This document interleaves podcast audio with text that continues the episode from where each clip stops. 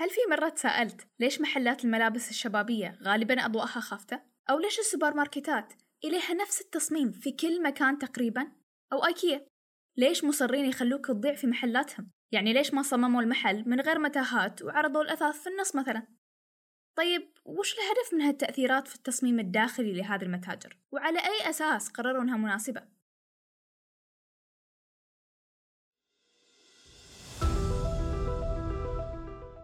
أبواب المعرفة اللي تاخذنا لآفاق بعيدة وواسعة تلامس أطراف المستقبل. هنا بودكاست مد من إنتاج مستقبلي واللي بيطرح في هالموسم أسرار وقصص تكونت من خلف الكلمات. قد تكون مرت على مسامعكم وقد تمر للمرة الأولى اليوم.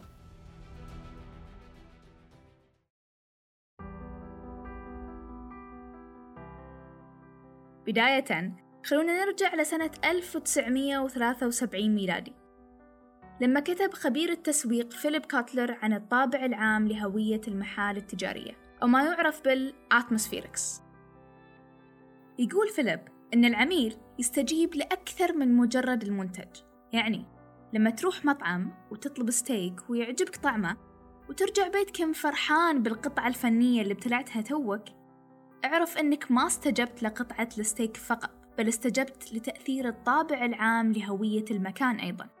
والدليل أنك لو رحت نفس المطعم وطلبت نفس الطلب بس كنت تشم ريحة قهوة أو براونيز مثلا ما كنت بتحس أن اللي دخل معدتك للتو قطعة فنية مثل ما حسيت في المرة الأولى.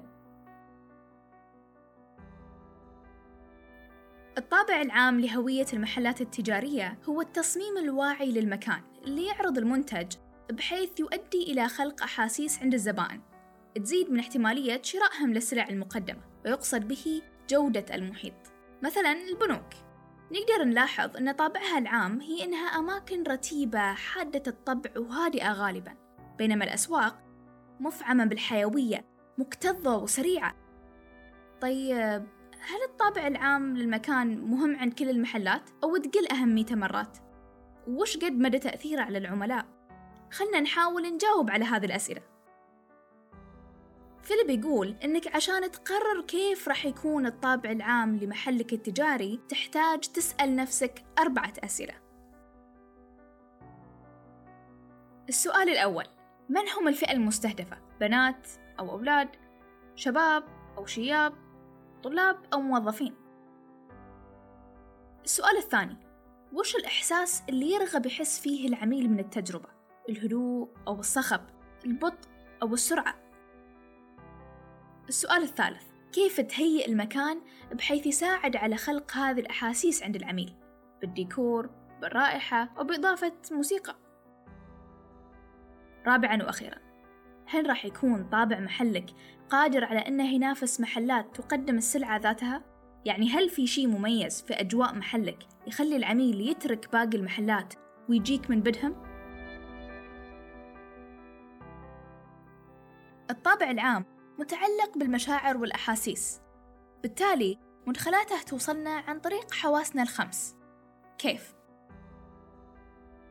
نرجع لآيكيا كونه أفضل مثال على تعزيز حاسة النظر. خل أحكي لك. قصة صنعتها آيكيا وأبطالها إحنا. أنا وأنت. القصة تبدأ بعد ما تخطو أول خطوة في هذه المتاهة العالمية. تبدأ تعجبك ستارة هنا ويبهرك مكتب هناك. تتخيل نفسك جالس على هالمكتب كل صباح أو داخل أحد هذه المطابخ وتبدأ تألف طبخة من مخك. وأنت في هالمطبخ وبعد ما جلست على أحد الكنبات وتأكدت من قياسات أحد المكاتب طولة وعرضة تتذكر أنك جاي تأخذ إضاءة فتقرر تتجه إلى قسم الإضاءة. بس في الطريق تشوف نباتات صناعية وتقرر تقارن بين نبتة ونبتة ثانية غيرها عشان تختار أي وحدة فيهم تتناسب مع الكنب اللي اخترته قبل شوي. لكن لأن المتاهة طويلة وتخاف ترجع ورا وبعدها تضيع وما تقدر ترجع للإضاءة فتحط النبتتين في السلة وتكمل في طريقك.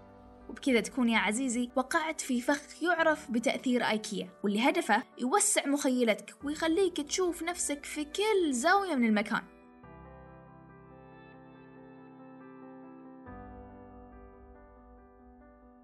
هل القصة انتهت هنا؟ لا. الحين جاء وقت تنزل المستودع عشان تاخذ قطع تركيب الكنب. فتشوف قدامك شمعات في نص ممر المستودع وتفكر هم وش فيها لو أخذت هالشمعة وحطيتها على الطاولة بجنب الكنب؟ نيتك كانت شراء إضاءة خلال وقت ما يتعدى العشرين دقيقة والنتيجة أنك طلعت بكنب ومكتب ونبتتين وإضاءة وشمعة وخسرت ساعتين ونص ويمكن زيادة. نطلع من متاهة آيكيا وننتقل للجانب الثاني. تعتبر حاسة الشم من الطابع العام لهوية المحلات التجارية هي الأقوى حتى أنه ذكر في أحد مقالات نيويورك تايمز بعنوان الرائحة والإحساس في النهاية أنت ما تقدر توقف أنفك عن الشم لأنك بكل بساطة تحتاج تتنفس براحة. خلينا نعطي مثال. توني دينيس هو نائب المدير التنفيذي في أحد أكبر الشركات العقارية في نيويورك. لما أراد أن يعرض شقق إحدى المباني للبيع واللي تقع في أحد الأحياء الفخمة في نيويورك قال خلينا واقعيين غالبا هالحي بيكون المكان الثاني أو الثالث للشخص القادم لشراء هذه الشقة واللي يقصده توني إن المشتري بيكون غالبا غني وهذه ما هي أول مساحة يشتريها ولا هي الخيار الوحيد على قائمته. وبالتالي احتاج توني لأكثر من مجرد إقناع العميل باتخاذ قرار عقلاني بحت للشراء فقرر يستخدم تأثير قوة الرائحة. هل راح يشغل بخاخ وينومها مغناطيسيا إلى أن يوقع عقد الشراء مثلا؟ يعني إيه تقريبا. اللي سواه توني إنه استخدم نوع من الأجهزة لتبخير السائل بحيث تخلق الرائحة نوع من الإحساس إنك في المنزل. مثل رائحة فطيرة التفاح أو الكيك. وعندنا هنا مثل القهوة العربية أو خبز التنور اللي يحسس العميل بجو عائلي. طيب ماذا عن حاسة السمع؟ في تجربة أجريت في الهند وهي عبارة عن إنهم صمموا محل افتراضي وعرضوا فيه سلع معينة. وهالسلع كانت شوكولاتة وأدوات مكتبية وأدوات صحية. وبعد كذا أخفوا سماعات في المكان. وأحضروا مئة شخص وقسموهم إلى قسمين. قسم بيتعرض لتأثير الموسيقى في هذا المحل التجاري وقسم ستجرى عليه التجربة الضابطة. أي إنهم ما راح يتعرضوا لأي من التأثيرات المراد قياسها. حط في بالك إنهم ما قالوا للأشخاص وش الهدف من التجربة أو وش بصير عشان ما تكون أجوبتهم متحيزة. كما أنهم قسموا عينة التجربة إلى أكثر من قسم. كل قسم بيتعرض لنوع مختلف من الموسيقى. وكانت نتيجة التجربة أن أحد أنواع الموسيقى وهي الوسترن بوب تحديداً جعلت العملاء يقضوا وقت أطول في المحل بينما تأثير موسيقى ال indie pop تمثل في زيادة مشتريات العملاء.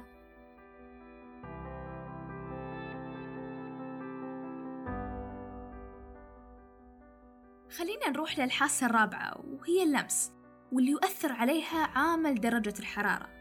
حاول تتذكر آخر مرة دخلت فيها السوبر ماركت واتجهت لجهة المشروبات.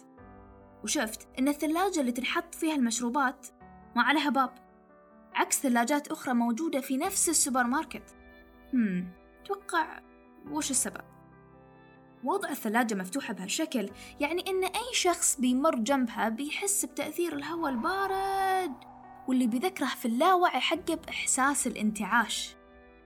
بالضبط نفس الإحساس اللي تحاول علامات تجارية مثل 7 Up إنها توصله إليك من خلال إعلاناتها. طيب وش وضع حاسة التذوق؟ هل تنطبق عليها القاعدة؟ فكر فيها.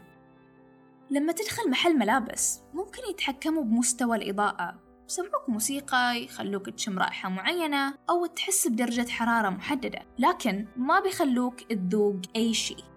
هنا ممكن تتساءل طيب ماذا عن المطاعم؟ أنا رايح عشان أتذوق أصلا. وهنا أقول لك إن اللي بتتذوقه في هالحالة هو المنتج وليس البيئة المحيطة بالمنتج.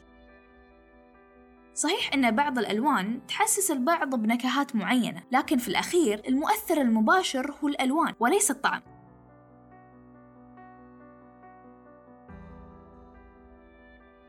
إنزين. ترى للحين ما عرفنا هل الطابع العام للمحل التجاري مهم في كل القطاعات؟ وإذا لا متى تحديدا تزيد أهميته؟ يقول فيليب أنه يصبح مهم أكثر في ثلاث حالات. أول حالة لما يكون البائع قادر على التحكم في مساحة البيع. بمعنى أنه لو كان يعرض بضاعته في سوق شعبي بالتالي ما راح يكون عنده تحكم كامل في المكان. وتبعا لذلك ما بيكون تعزيز الطابع العام للمكان أولوية بالنسبة له ثاني حالة لما يزيد عدد المنافسين وتقل الفروقات بين السلع المقدمة بمعنى لو كنت أنت ومنافسك تعرضوا نفس النوع من البرجر والمتشابه بشكل كبير في الطعم كيف بيقرر العميل إنه يجي لعندك ويترك منافسك؟ غالبا بيكون هذا القرار بناء على الموقع ومساحة ال parking والسعر مثلا. إذا ما سمحت لك الفرصة بالتحكم في هذه العوامل فبإمكانك اللجوء إلى تعزيز الطابع العام لمطعمك بحيث يصير التصميم الداخلي للمكان هو ميزتك التنافسية. ثالث حالة لما تكون الفئة المستهدفة هي شريحة معينة من الناس. مثل المحلات اللي تستهدف الشباب عادة تحاول تجذبهم باستخدام الأضواء الخافتة في المحل.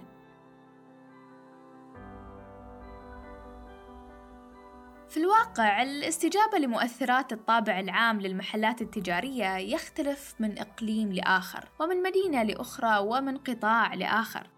فالروائح الهادئة في نيويورك قد تكون مزعجة في ووهان والألوان المريحة في الهند ليست كذلك في السعودية.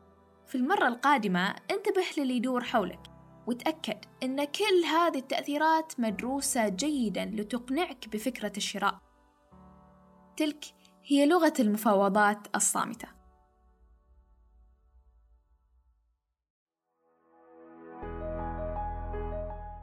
شارك الحلقة مع محبين التسويق من حولك وإذا تعرف أحد فاتح له مطعم ارسل له الرابط. لا تنسى تتابعنا على مواقع التواصل الاجتماعي حساباتنا في وصف الحلقة.